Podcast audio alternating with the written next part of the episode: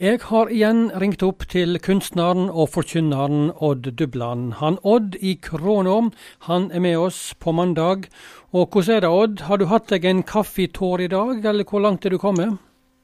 Ja, god dag, god dag, Inge. Jeg eh, har ikke drukket kaffe, men jeg har hatt uh, ei skive med blåbærsyltetøy på. Ei heimebakte skive.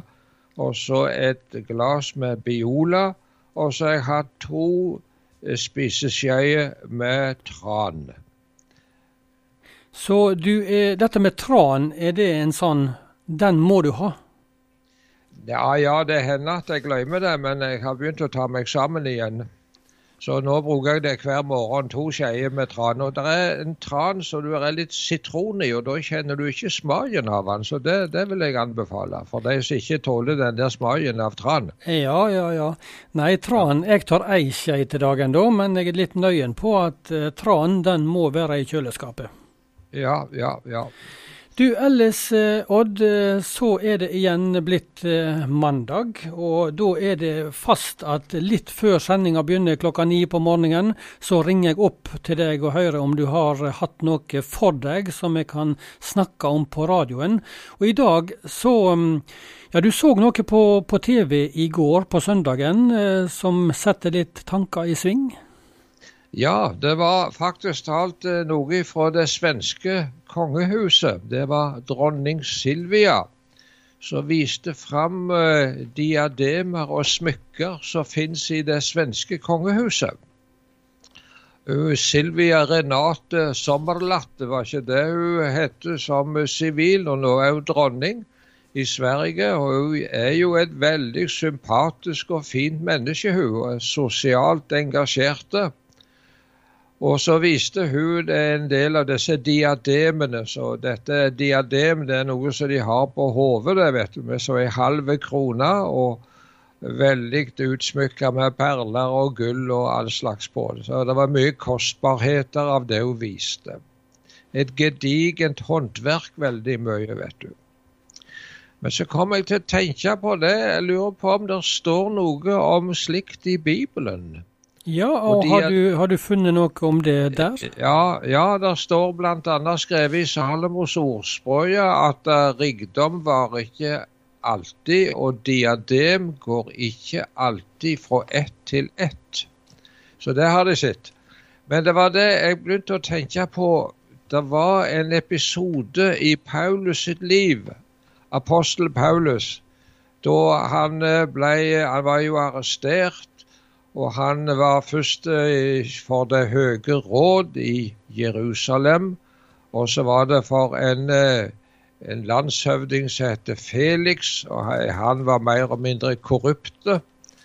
Og så var det en eh, landshøvding til som het Festus. Og til slutt så, ikke til slutt, men så ble også Paulus ført fram for kong Agrippa, som skulle forhøre Paulus. Og dette skjedde i en by nede ved Middelhavet eh, i Israel som heter Cesarea. Denne kong Agrippa, hadde han sånt diadem, eller hvordan var han kledd? Nei, nei det hadde han nok ikke, han altså. Men uh, han uh, jeg ser, Dette skjedde sikkert i en uh, stor sal eller hall. det var mye fint folk samla, for kongen var kommet. Og Framme på podiet så var det vel et par flotte stoler. Og der er det at kong Agrippa kommer inn sammen med søster si, som heter Berenike. Hun var forresten kjent for et utsvevende liv. Og det ble nå sagt at disse to de hadde et litt uanstendig forhold til en annen søster og bror. Men kong Agrippa han eh, og Berenike de kommer inn i salen, og så står det skrevet det at eh, de var, de var kledt i kongelig skrud. Så her tok de det alvorlig når de skulle forhøre Paulus. Og da var det mye purpur og skarlagen når det gjaldt farger på tøy. Det var perler, gull og kanskje at Berenike bar et diadem. Ja. Ja, for det var altså kvinnene som hadde det? Ja, de kan gjerne ha det, men òg det har ikke jeg greie på. Men Nei. jeg ser de for meg der de sitter på podiet uh, i glitter og stas. Og så er det da som sagt prominente gjester som står langs veggene. Og så inn i denne salen fører de da Paulus, som de har ført opp fra ei fangecelle som sikkert var i en kjeller.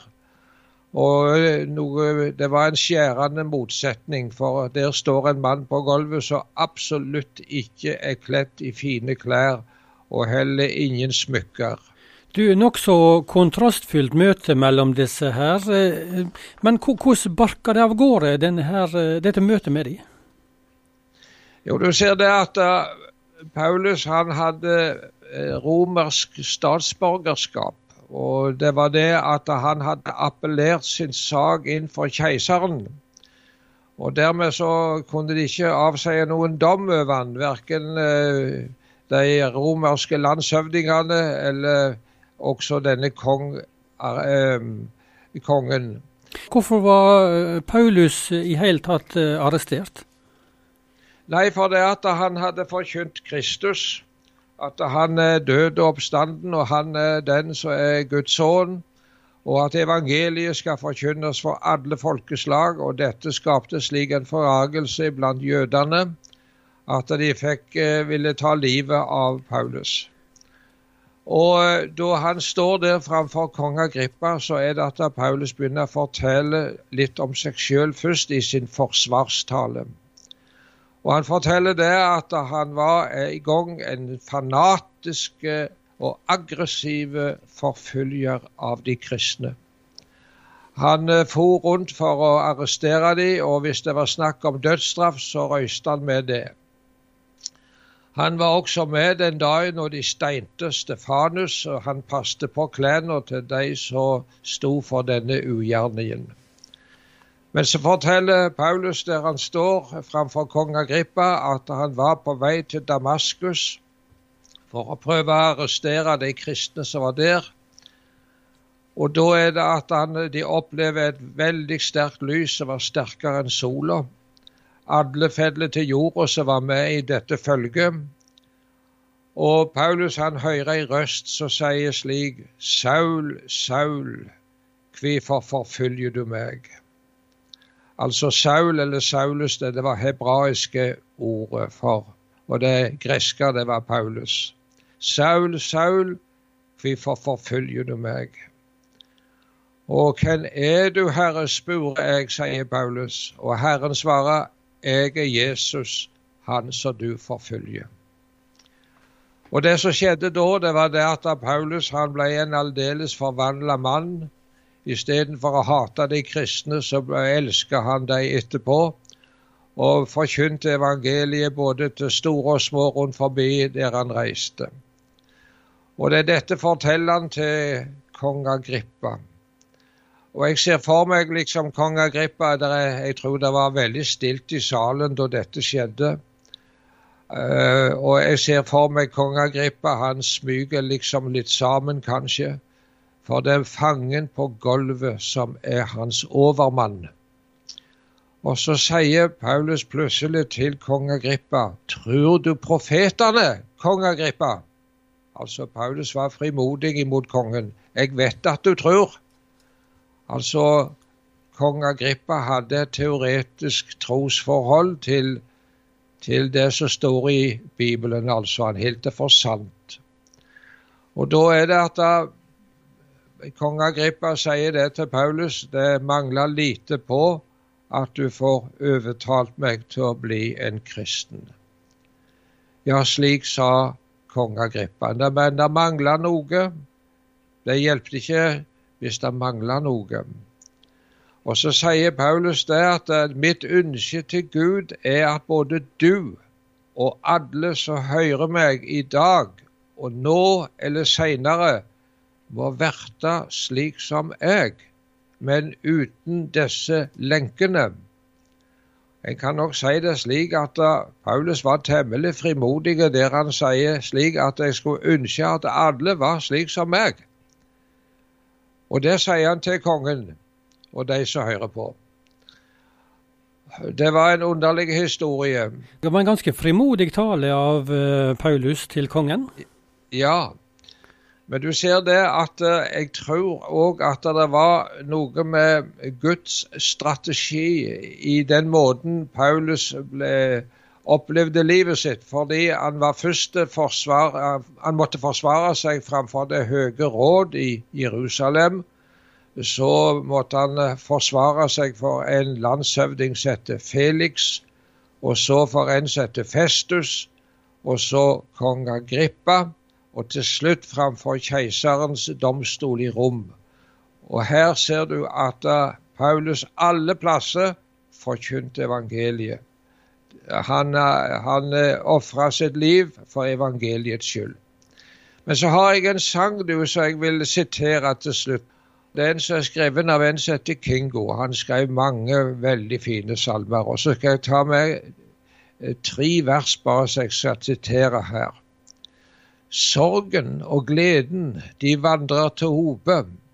Lykke og ulykke kommer på rad. Medgang så ofte på motgang vil rope. Solskinn og skyer, de følges og ad. Jorderiks gull er prektig møll, himmelen er ene av salighet full. Og så var det dette med smykkene, da. og Her står det litt om det i en sang, i denne salmen. Alle ting har en foranderlig lykke. Alle kan finne en sorg i sin barm. Ofte er bryst under dyrebart smykke tynget av sorger og hemmelig harm. Alle har sitt, stort eller litt. Himmelen alene for sorgen er kvitt. Og hvordan er det da i himmelen, da? Jo, der står slik i det er et vers her. Angsten skal vendes til varende glede. Smerten skal vinnes og salig en fred. Armod blir kledt i de rikeste klede, styrke skal komme i svakhetens sted. Sorgen får gå, gleden består, himmelen kan ene alt dette formå. Det var de tankene jeg hadde om diadem og smykke, du gode Inge. Hjertelig takk skal du ha, Odd Dubland, med oss ifra Krono også i dag.